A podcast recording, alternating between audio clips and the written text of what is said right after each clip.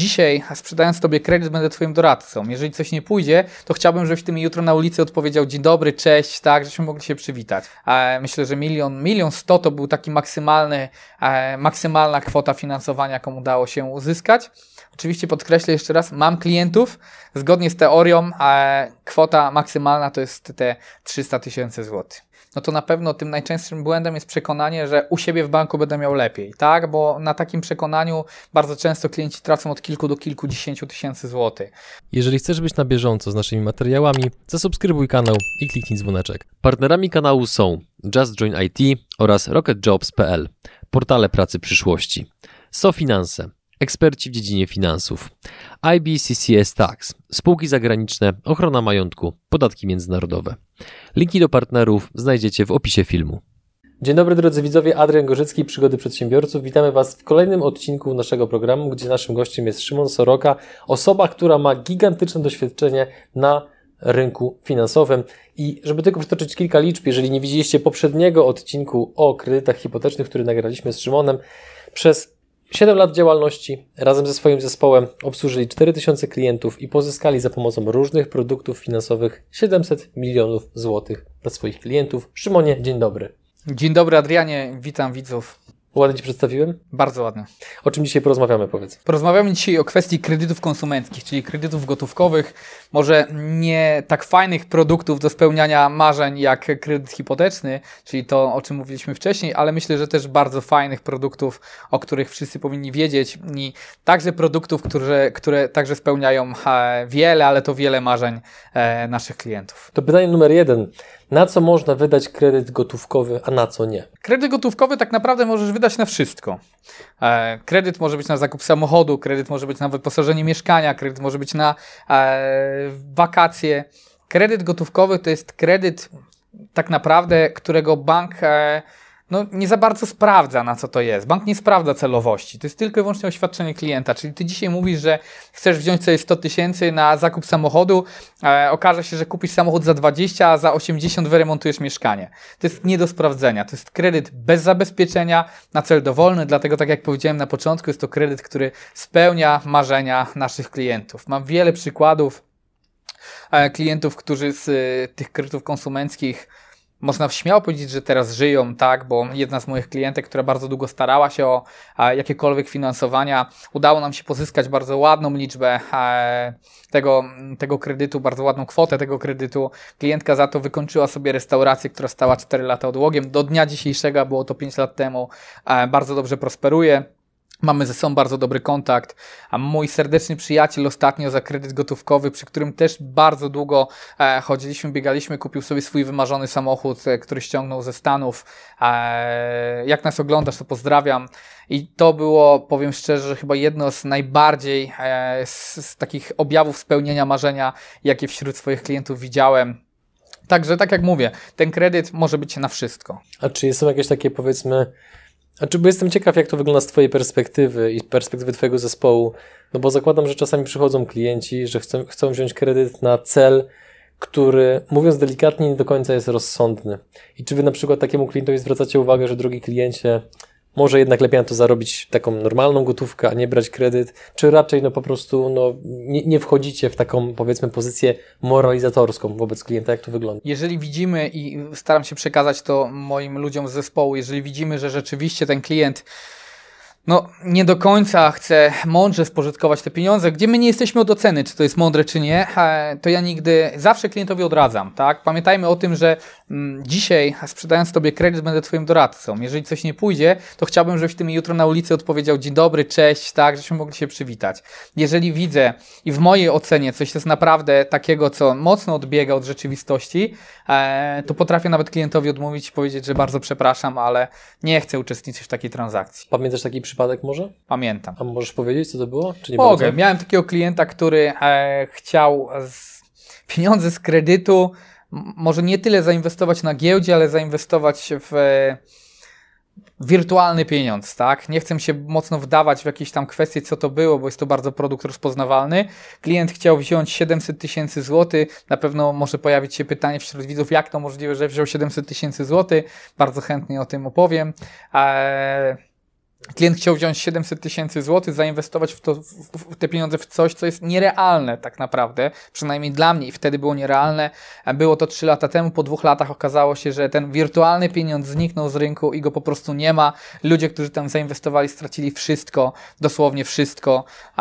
I teraz, tak, klient do mnie przychodzi i mi mówi, no kurczę Szymon, miałeś rację. Co prawda, no nie wziął finansowania u mnie, poszedł gdzie indziej, gdzie indziej dostał, ale nie wziął tej kwoty, którą chciał, bo inny doradca mu powiedział, że jest to niemożliwe i wziął tylko 200 tysięcy, tylko albo aż, bo te 200 tysięcy stracił, tak? Czy w nazwie tego produktu było słowo DAS? Możliwe. Okej, okay, na tym poprzestańmy. Dzięki, że jesteś z nami i oglądasz nasze filmy.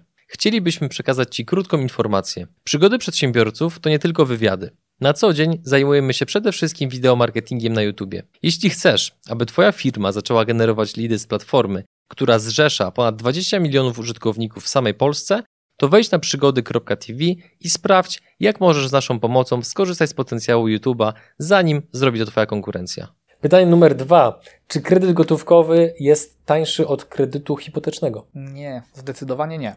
Kredyt hipoteczny, tak jak powiedziałem w poprzednim odcinku, to jest najtańsze źródło finansowania, jakie jest dostępne na rynku. Tak? Jeżeli mówimy oczywiście o produktach finansowych dla osoby fizycznej. Kredyt gotówkowy średnio oprocentowany jest na dzień dzisiejszy na poziomie tam 6-7%. Kredyt hipoteczny oprocentowany jest na poziomie 2-3%, tak?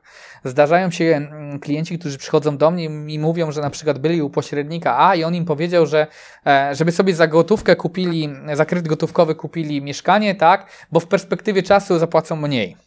Jeżeli ale nie pokazuje im oczywiście porównania produktu do produktu, czyli nie pokazuje im, że w kredycie gotówkowym na 10 lat kosztów mają, strzelam, 50 tysięcy, tak? E, a w kredycie hipotecznym na 10 lat kosztów by mieli 10 tysięcy złotych, tylko pokazuje im, że w kredycie gotówkowym na 10 lat mają 50 tysięcy kosztu, a w kredycie hipotecznym na 30 lat mają 150 tysięcy kosztu. Czyli to jest moim zdaniem przekłamanie klienta, tak? Jawne przekłamanie klienta.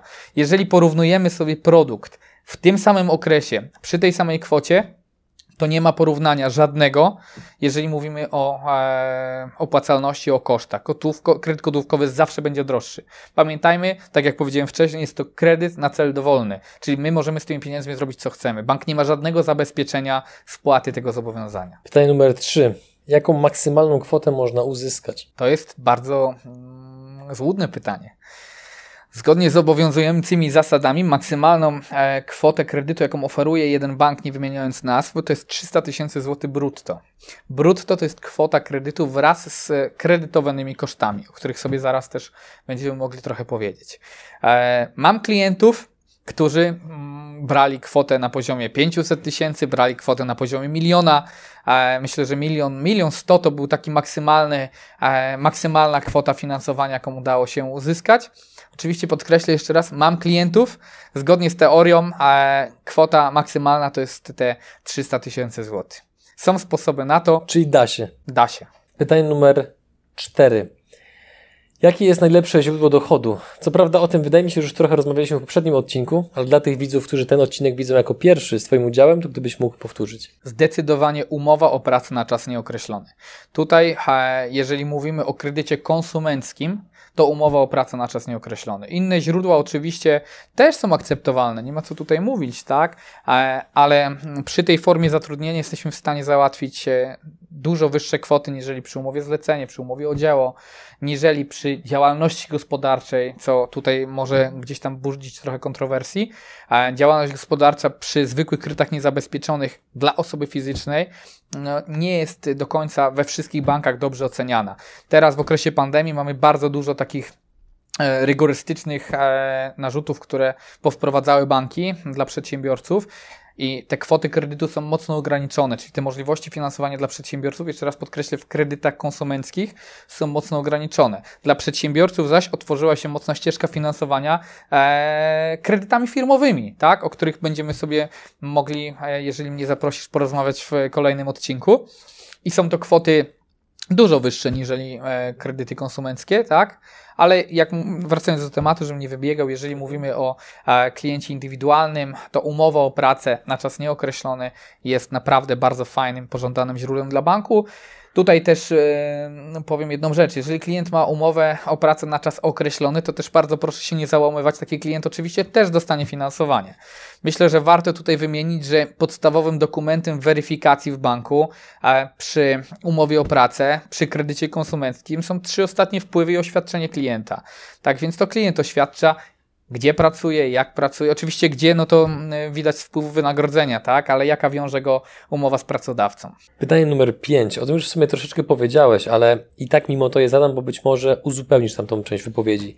Jak wyglądają koszty takiego kredytu? Koszty kredytu, tak jak powiedziałem wcześniej, są nieporównywalne do kredytu hipotecznego z racji na to, że takim podstawowym kosztem Chociażby nie mówiąc już o tym oprocentowaniu, o którym wspomniałem, czyli o koszcie odsetkowym, który jest dużo, dużo, dużo wyższy, bo brakuje czterokrotnie taki jak, czy trzykrotnie taki jak w kredycie hipotecznym, jest chociażby prowizja za przyznanie takiego produktu kredytowego. Te prowizje e, na dzień dzisiejszy oczywiście są banki, które oferują kredyty z zerowym kosztem wejścia, czyli nie ma żadnej prowizji, nie ma żadnej składki ubezpieczeniowej, ale większość banków tą prowizję za przyznanie ma. Te prowizje są w takich widełkach od 3 do nawet 15-16%. Są banki, które liczą sobie prowizję na poziomie 25-30% i to już jest typowa lichwa. Nie chcę o takich bankach w ogóle mówić, tak? Tutaj też warto zaznaczyć, e, że to też nie jest tak, że jak klient przychodzi do mnie jako do doradcy, to ta prowizja, nie wiem, którą pobierze sobie bank, czy przypuszczam, przypuśćmy, nie wiem, mamy kredyt na 100 tysięcy złotych, bank pobierze sobie 10% prowizji, czyli mamy 10 tysięcy złotych ee, i ta prowizja trafia do mnie. Tak nie jest, broń Boże. Jakby ta prowizja trafiała do mnie, to myślę, że już mógłbym na tym rynku nie pracować, a już byłbym na emeryturze przy skali obsłużonych klientów wraz z zespołem. E, mamy możliwości negocjacji tych warunków, ale na pewno nie takie jak w przypadku kredytów hipotecznych. Takim dodatkowym kosztem zaznaczę, który jest nieobowiązkowy, bo to jest bardzo ważne, a klienci w bankach słyszą całkowicie coś odwrotnego, jest składka ubezpieczenia na życie. Drogi kliencie, składka ubezpieczenia na życie jest nieobowiązkowym produktem w kredycie gotówkowym. To jest tylko i wyłącznie dodatek. Oczywiście, e, doradca w banku powie, że to jest dodatek, który pozwoli nam obniżyć oprocentowanie, pozwoli, pozwoli nam obniżyć prowizję, tylko tutaj pada podstawowe pytanie, o ile pozwoli nam to obniżyć? O 2%, o 3%? E, względem całej wysokości składki są banki, jak już przyczepiliśmy się tej kwoty 100 tysięcy, e, które od tej kwoty pobierają sobie kilkanaście, jak nie kilkadziesiąt tysięcy złotych samej składki za cały okres kredytowania. Czyli to jest tak wielki koszt, który nie oszukujmy się, nie jest w ogóle opłacalny. Czyli jeżeli idziecie po jakiekolwiek finansowanie konsumenckie i ktoś Wam mówi, że ta składka jest obowiązkowa, to mówcie nie, bo ona nie jest obowiązkowa i jeszcze raz podkreślę, że nawet jeżeli z takiej składki odstąpimy, to jesteśmy w stanie wynegocjować nawet lepsze warunki, niż w tym banku, który takową składkę proponuje. Pytanie numer 6. Jaki jest maksymalny okres kredytu? 12 lat. 12 lat, ale od razu powiem, że nie polecam e, kredytów konsumenckich na 12, na, na, zawieranych na 12 lat, z racji na to, że koszt, który się wiąże z takim kredytem, e, jest naprawdę bardzo duży. Tak? Te dwa lata Średnio stosuje się 10-letni okres kredytowania i to jest zawsze przyjmowane za taki maksymalny okres możliwy dla klienta. Jest bank w sumie chyba już tylko jeden, który został na rynku, który ma ten 12-letni okres kredytowania, czyli 144 miesiące. Nie chcę tutaj kłamać, jeden albo dwa, ale powiem od razu, to jest nieopłacalne. Koszt odsetkowy, który się wiąże z tymi dwoma latami jest naprawdę bardzo, bardzo duży, a różnica w racie pomiędzy 10 a 12-letnim okresem kredytowania przy zakładanej kwocie 100 tysięcy złotych to jest jakieś 200 zł miesięcznie. Nawet nie, tak? Które oczywiście zjadane jest na koszty kredytu. Pytanie numer 7. Czy ten kredyt musi być zabezpieczony hipoteką? Nie, jest to kredyt konsumpcyjny na cel dowolny, czyli nie jest on zabezpieczony hipoteką. Jeżeli chcą Państwo mieć kredyt zabezpieczony hipoteką, oczywiście mówimy tutaj o wyższych kwotach i chcecie mieć ten kredyt na cel dowolny, to możemy wejść w tak zwaną pożyczkę hipoteczną, tak? Czyli e, bank wypłaca Wam środki, zabezpiecza się na posiadane nieruchomości, średnio wypłaca od 60 do 75% wartości posiadanego zabezpieczenia. Mamy tak naprawdę celowość bardzo podobną jak w kredycie konsumenckim, tak? E, oczywiście pożyczka jest tańsza, chociaż też możemy wynegocjować produkt, który będzie cenowo bardzo podobny i nie będzie miał zabezpieczenia. Ale odpowiadając stricte na pytanie, e, kredyt gotówkowy nie jest kredytem zabezpieczonym hipoteką. Pytanie numer 8. Jak wygląda zwrot kosztów przy wcześniejszej spłacie? Czy mogę wcześniej spłacić kredyt? Jak najbardziej. Kredyt gotówkowy zgodnie z ustawą może być spłacony w każdym dowolnym momencie. Bank nie ma prawa do pobierania żadnych kosztów za wcześniejszą spłatę. Wprost przeciwnie, bank ma obowiązek zwrotu kosztów niewykorzystanych, czyli tak jak powiedzieliśmy na początku, jeżeli bierzemy kredyt na lat 10, 100 tysięcy, bank pobiera 10 tysięcy prowizji, spłacimy ten kredyt po 5 latach, to te 5 tysięcy niewykorzystanej prowizji bank ma obowiązek nam oddać.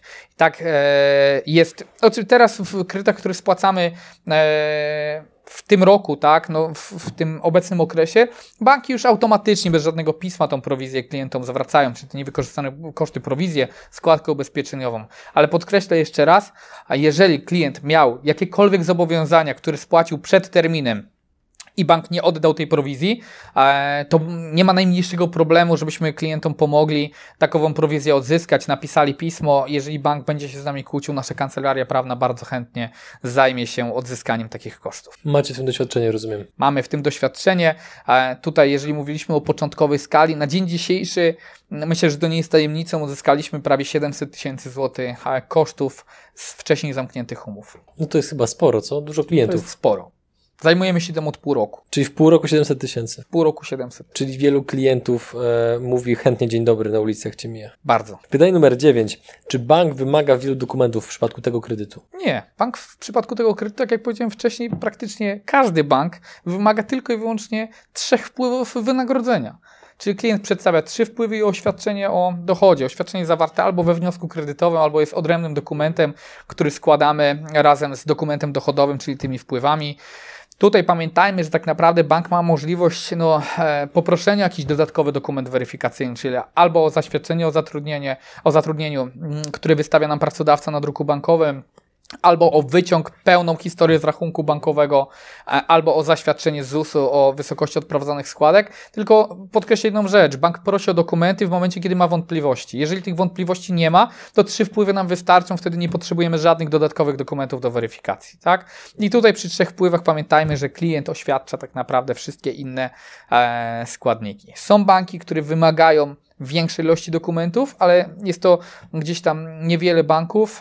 Ta większa ilość dokumentów to jest na przykład zaświadczenie plus wyciąg, tak? czyli połączone pakietowo dokumenty, ewentualnie wyciąg z konta osobistego za ostatnie 6 miesięcy. Pytanie numer 10. Czy warto mieć konto w banku, w którym chcę wziąć kredyt? To zależy. Wiem, że nie lubisz tej odpowiedzi, ale muszę tak odpowiedzieć. To zależy od tego, czy e, nastawiamy się na jakąś małą kwotę finansowania, e, czy chcemy iść po dużą kwotę finansowania, tak jak wcześniej zapytałeś, tak?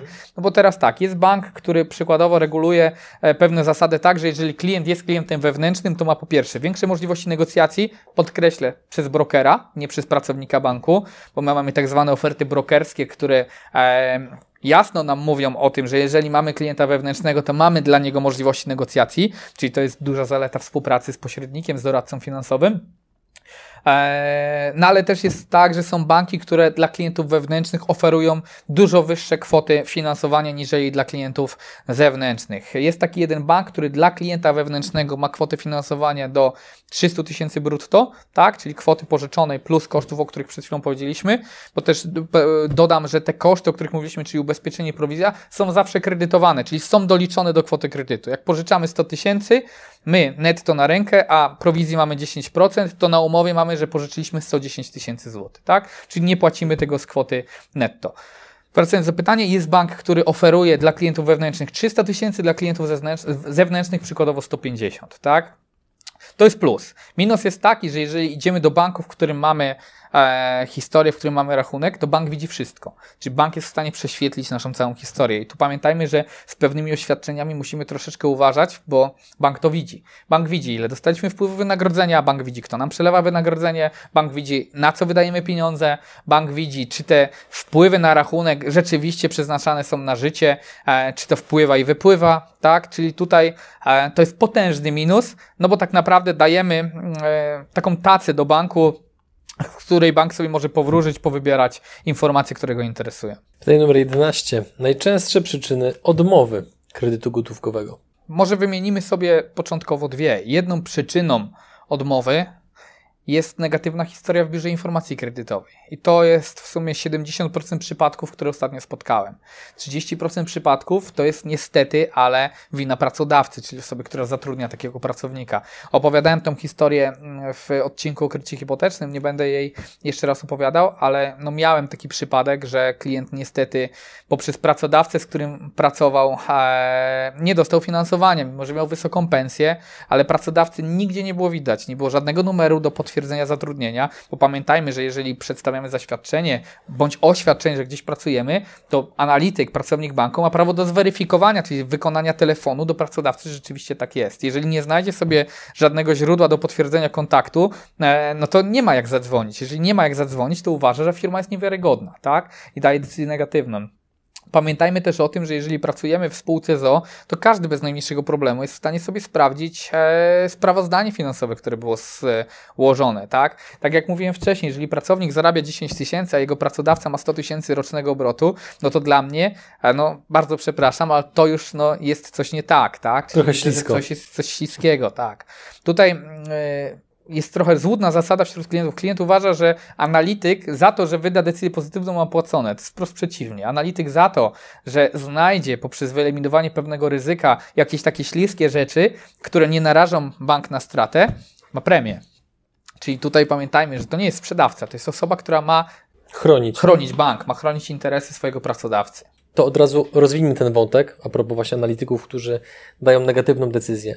Czy można się od niej odwołać? A jeżeli tak, to co jest ważne w takim procesie odwoływania się? Można się od niej odwołać. Od wszystkiego zawsze się możemy odwołać. Tak jak mówiliśmy w tym poprzednim odcinku, to jest tylko człowiek, z którym rozmawiamy, ale e, musimy mieć argumenty. Jeżeli, tak jak ja z Tobą, jeżeli o czymś rozmawiamy i mam Cię do czegoś przekonać, no to jak przyjdę do Ciebie i powiem, ok, Adrian, znamy się, e, weź, proszę pomóż, no to powiesz mi, no sorry, wiesz, no to jest dla mnie ważne, nie masz argumentów. Tak samo jest z analitykiem. Jeżeli idę do niego i mu mówię, dobra, to jest dobry klient, daj mu decyzję, to analityk mi powie, no ale halo, halo, proszę Pana, to jest bank, to nie jest instytucja pożyczkowa. Jeżeli pójdę i przedstawię pewne argumenty, które będą mówiły o tym, że to jest dobry klient i pokażę, że pewne działania analityka były złe, no to zawsze możemy z nim porozmawiać i naprawdę w wielu przypadkach udaje nam się przywrócić ten proces. Jeżeli już mamy naprawdę sytuację podbramkową, taką jak odpowiedziałem, tak, chociażby z oceną pracodawcy, bo ten przypadek był naprawdę przypadkiem, który mi bardzo długo zapadnie w głowie. Złożyliśmy 10 wniosków kredytowych. W każdym przypadku dostaliśmy ocenę scoringową klienta pozytywną, a ocenę pracodawcy negatywną. W każdym przypadku, tak? W każdym przypadku wniosek trafiał do tak zwanego ryzyka. Eee, ryzyko, nie oszukujmy się, to jest wewnętrzna policja banku. Jak to jest wewnętrzna policja banku, to ona musi zweryfikować poprawność pewnych danych. Czyli mhm. tutaj to był jawny przypadek tego, że e, po prostu Coś było nie tak. Eee, ale od wszystkiego można się odwołać, żeby się za dużo Czyli to nie jest ostateczność. Nie że... jest to ostateczność. Kolejne pytanie. Ile trwa proces kredytu gotówkowego? Mam takie procesy, że trwają 15 minut, czyli składam wniosek kredytowy i tak naprawdę mogę mieć decyzję automatyczną u klienta. Eee, jeżeli są to procesy złożone, czyli wnioskujemy w kilku bankach, tak, eee, staramy się zaspokoić potrzeby klienta i wszystkie oczekiwania klienta, tak jak powiedzieliśmy na początku, to zakładamy, że ten proces będzie trwał do tygodnia maksymalnie. I pytanie jedno z ostatnich. Czy jest możliwość zrobienia kredytu dla osoby w starszym wieku? Czy są ograniczenia wiekowe? W większości banków są ograniczenia wiekowe, bo mamy taki limit do 75 bądź 80 roku życia i w tym roku życia należy spłacić zobowiązania, ale są banki, które nie mają takiego ograniczenia. Ostatnio miałem klientkę, bardzo przemiłą panią Jadwigę. Pani Jadwiga miała 86 lat, dostała e, prawie 100 tysięcy złotych bez najmniejszego problemu. Kupiła, brała ten kredyt, żeby kupić wnuczkowi e, samochód. E, z tego co pamiętam, to było niedawno.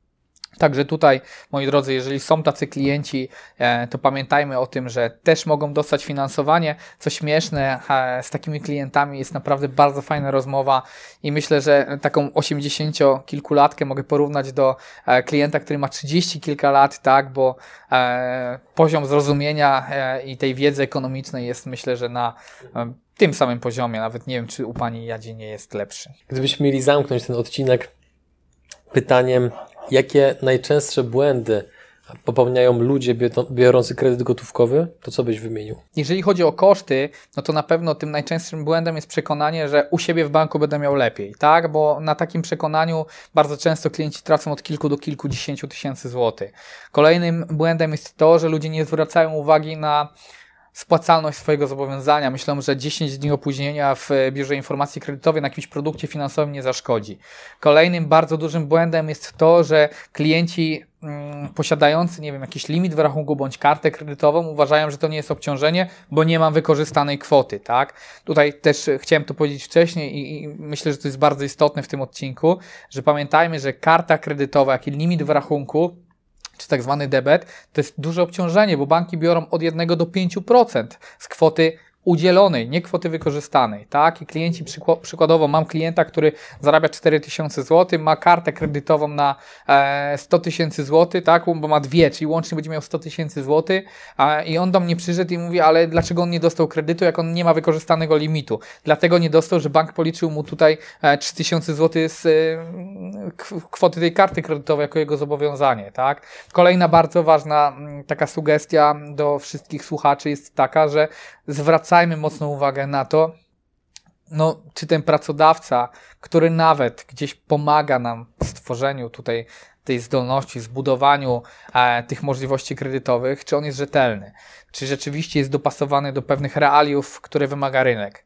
I w przypadku tak naprawdę i z doświadczenia, które mogę powiedzieć w przeciągu ostatnich miesięcy i lat, dużo osób na to nie zwróciło uwagi, mimo że poniosło pewne koszta z tym związane, tak? No bo żyjemy w takim świecie, a nie innym bardzo dużo przedsiębiorców, no niestety, no, nie wypłaca tego, co e, może nie tyle nie oskładkowuje tego, co, co wypłaca, tak? E, ta zasada, no, jest, jest jaka jest, tak? Nie będziemy tego negować. Ale próbują jakoś pomóc tym swoim pracownikom, e, to jeżeli coś takiego jest, to zapytajmy zawsze kogoś, czy to jest dobre, czy tak możemy się do tego przygotować, czy ponoszenie kosztów ma wtedy sens. Myślę, że to mm, chyba na, na tylu poradach skończmy. Można byłoby wymienić ich jeszcze trochę, ale, ale to są chyba takie najważniejsze. No ale też musimy zostawić na już takie indywidualne rozmowy klientów z Tobą, prawda? Tak, zapraszam. Powiedz proszę, jak banki patrzą na chwilówki? Dobrze, niedobrze? Bardzo niedobrze. Pamiętajmy o jednej podstawowej rzeczy. W momencie, kiedy klient korzysta ze sfery pozabankowej, czyli z tak zwanych parabanków, to znaczy, że coś z tym klientem jest nie tak. Jeżeli klient może w banku wziąć kredyt na 7%, a w parabanku ma kredyt na 200-300%, tak, to znaczy, że tutaj no, dlaczegoś, po coś ten klient poszedł, tak, po ten parabank, po coś klient chciał skorzystać z tej sfery pozabankowej. Czyli tutaj analityk już zaczyna się mocno doszukiwać, czy czasami nie był czyszczony BIK, czy czasami nie była jakaś przeszła zła historia kredytowa, czy klienta zatrudnienie jest na pewno legalne, czy tutaj jest wszystko ok, czy przedstawione dokumenty finansowe przez klienta na pewno są dobre. Tutaj w momencie, kiedy widzę, że klient korzystał z takiej sfery pozabankowej, a bardzo często się to zdarza, może nie bardzo często, ale często się to zdarza e, przy, sprawdzania, przy sprawdzaniu raportu z Biura Informacji Kredytowej to zawsze, w każdym przypadku robię, e, wysyłam pismo o zaprzestaniu przetwarzania danych do tych instytucji pozabankowych, czyli no, kolokwialnie mówiąc, czyścimy big klienta, tak? Żeby analityk tego nie widział, e, bo może nam to naprawdę mocno zaszkodzić. Pamiętajmy, że są to produkty, mimo że reklamują się różne firmy, że mają e, 30-dniówkę za darmo, pierwszy kredyt za darmo, drogi kliencie nie płacisz. To jest złudne, to jest tylko i wyłącznie reklama. Musimy o tym pamiętać. Ta reklama bardzo często kupuje klienta, ale później wprowadza wprowadza go w tarapaty. Mam klientów, mam przykłady naprawdę wielu klientów, którzy poprzez sferę pozabankową potracili majątki, potracili domy, potracili mieszkania, potracili rodzinę. Miałem przypadek takiej pani, która przyszła do mnie z wielkim problemem, że jedna osoba działająca na moim rynku konkurencyjna wpędziła ją w bardzo potężne kłopoty, e, bo po prostu brała chwilówkę za chwilówką. Później wpadła w taką dużą pętlę kredytową, że jednym kredytem spłacała drugi, drugim trzeci, trzecim czwarty.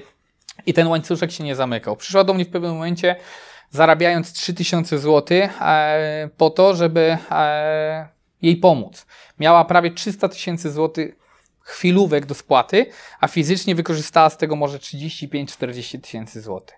Może. Była to nauczycielka, bardzo fajna osoba. Niestety nie mieliśmy tutaj możliwości e, pomóc jej jako jej, tak? Czyli spróbować zoptymalizować jej produkty, bo się po prostu nie dało, ale powiedziałem, że jedynym rozwiązaniem jest rozmowa z mężem, tak? Mąż oczywiście o niczym nie wiedział. E, to jest dla mnie taka ciężka sytuacja, o której wspominam, bo to było takie bardzo emocjonalne. Jestem emocjonalnym człowiekiem i z tą panią chciałem jej pomóc, tak? I próbowałem zrobić wszystko, żeby ją z tych tarapatów wyprowadzić. E, ta pani oczywiście nie chciała, żeby ten mąż się dowiedział. Zaczęła brać jakieś tabletki. E, nawet nastąpiła tam próba nie chcę mocno mówić jakiegoś tam samobójcza, tak, bo ta pani miała już naprawdę bardzo duże problemy e, psychiczne poprzez to, co się stało. Ja wziąłem tego męża do siebie, do, e, do biura i z tym mężem porozmawiałem szczerze. Mąż spłacił za żonę te wszystkie zobowiązania, bo udało nam się zrobić kredyt na tego męża, ale no niestety się rozwiedli. Czyli ta sfera pozabankowa doprowadziła do tego i ta nieświadomość tej pani, bo ta pani wcale nie żyła z tych pieniędzy.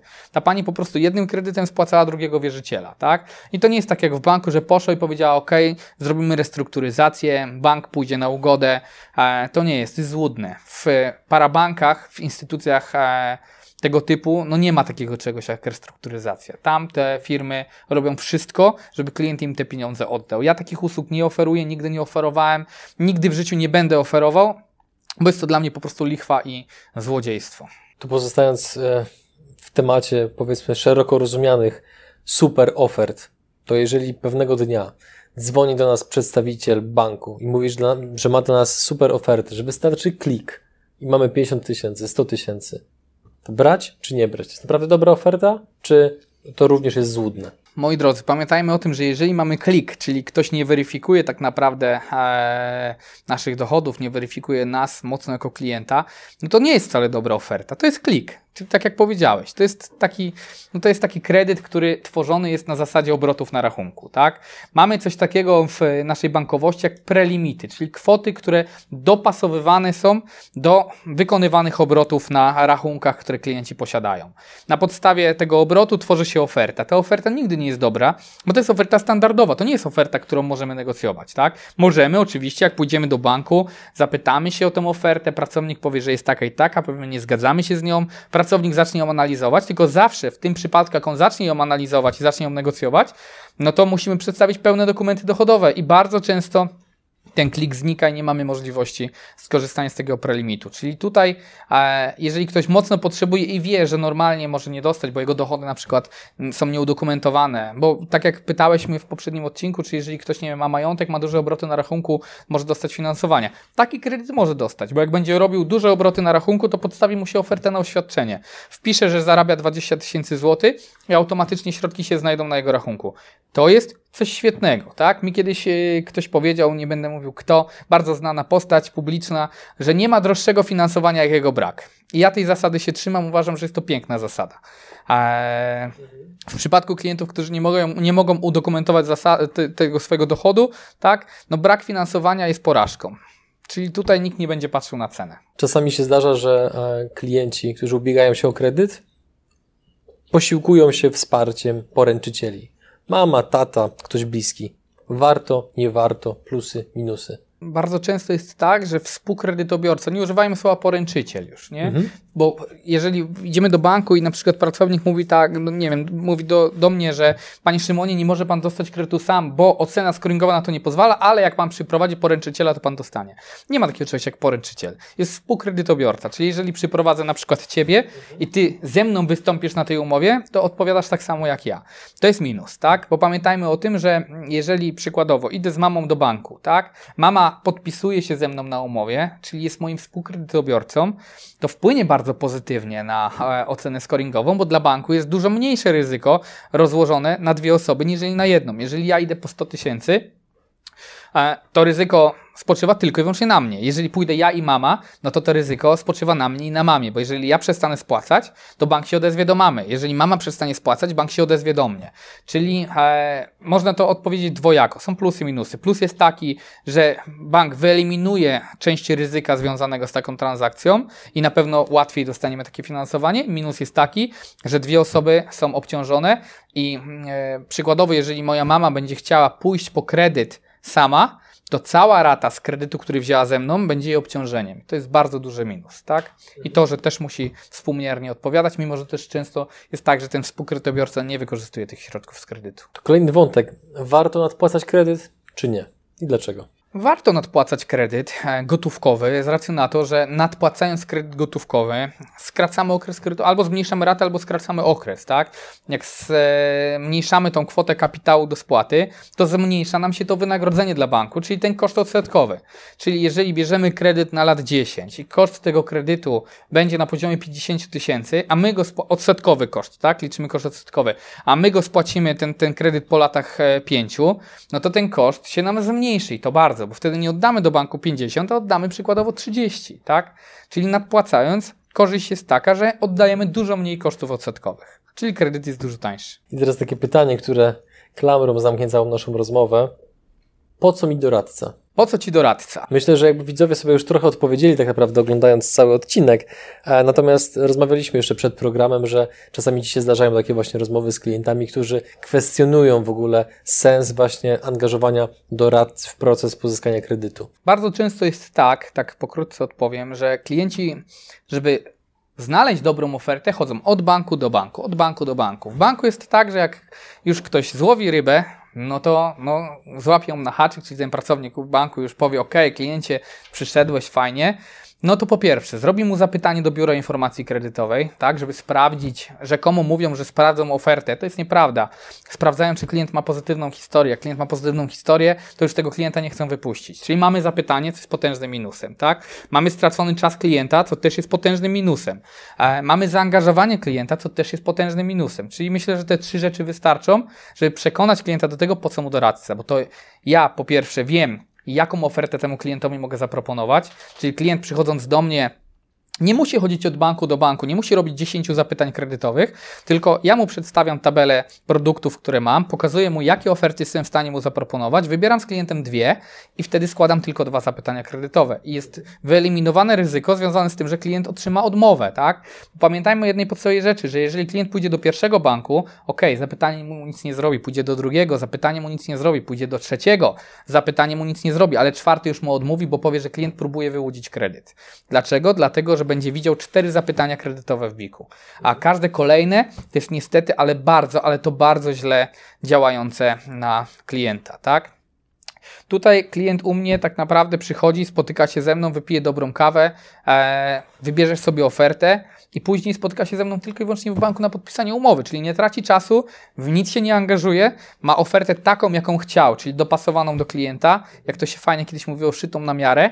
E, myślę, że to jest chyba tyle z tych wszystkich korzyści, które mogę wymienić. A jakbyś odpowiedział na argument, że no dobrze, Szymon, ale przecież doradca to jest de facto dodatkowy pośrednik. Czy to nie powoduje, że potem koszt pozyskania kredytu, czy to hipotecznego, gotówkowego, czy jakiegokolwiek innego, nie jest droższy, niż gdybym samemu próbował to uzyskać? Nie, dlatego że mamy tak zwane plany sprzedażowe. Ja jako pośrednik nie mam, ale w banku jest plan sprzedażowy. Pracownik, który ma wykonać ten plan, przykładowo, nie wiem, miesięcznie musi sprzedać 400 tysięcy kredytów, tak? E, wolumenu. I pamiętajmy o tym, że on też ma płaconą jakąś premię. On od klienta własnego ma płacone wynagrodzenie, czyli to, czy klient skorzysta z moich usług, czy klient skorzysta z usług bezpośrednio banku, no to tak naprawdę klient też poniesie koszt. Jeżeli korzysta z moich usług, no to ten pracownik nie dostanie tej premii, tak? Bo ja wykonuję wszelką pracę. To jest pierwszy argument. Drugi argument jest taki, że bardzo często jest tak, że klient ma dużo lepszą ofertę u pośrednika, niżeli bezpośrednio w banku. A dlaczego? Dlatego, że jeżeli przykładowy Kowalski idzie do banku, żeby wziąć kredyt na 100 tysięcy i zaczyna negocjować, to bank mówi: OK, 100 tysięcy, no dobra, dobra, ale stoi taki Soroka koło Kowalskiego i przynosi worek kredytów na przykładowo 10 milionów. Z kim będzie większa negocjacja? Z Kowalskim na 100 tysięcy czy z Soroką na 10 milionów? Bo jesteś hurtownikiem po prostu. Jestem hurtownikiem. To tak samo jak klient jedzie do hurtowni i kupuje masło, idzie do e, sklepu osiedlowego, kupuje masło. W sklepie osiedlowym zapłaci 5 zł, w hurtowni zapłaci 2,50. I tak samo działa branża pośrednika. Pośrednik donosi coś do banku hurtowo, czyli ma całkowicie inną cenę hurtowo, no, no bo mamy pewien pakiet klientów, tak, i produktów, który dostarczamy do danej instytucji finansowej. Stawiamy kropkę w rozmowie? Stawiamy kropkę w rozmowie. W tym odcinku. Drodzy widzowie, jeżeli macie jakieś pytania do Szymona a propos tego konkretnego odcinka i wiedzy, która tutaj była przekazana, to proszę piszcie ją, te pytania w komentarzu pod filmem na YouTubie, a my tymczasem żegnamy się. Dziękuję Ci, Szymon, za rozmowę, dziękuję Ci za taką ilość wiedzy, którą przekazałeś. No i mam nadzieję, że dzięki temu nasi widzowie no, oszczędzą sobie wielu niepotrzebnych sytuacji oraz oszczędzą złotówek, które zostaną w ich kieszeniach. Dziękuję bardzo za zaproszenie, za rozmowę i mam nadzieję, że za niedługo się spotkamy.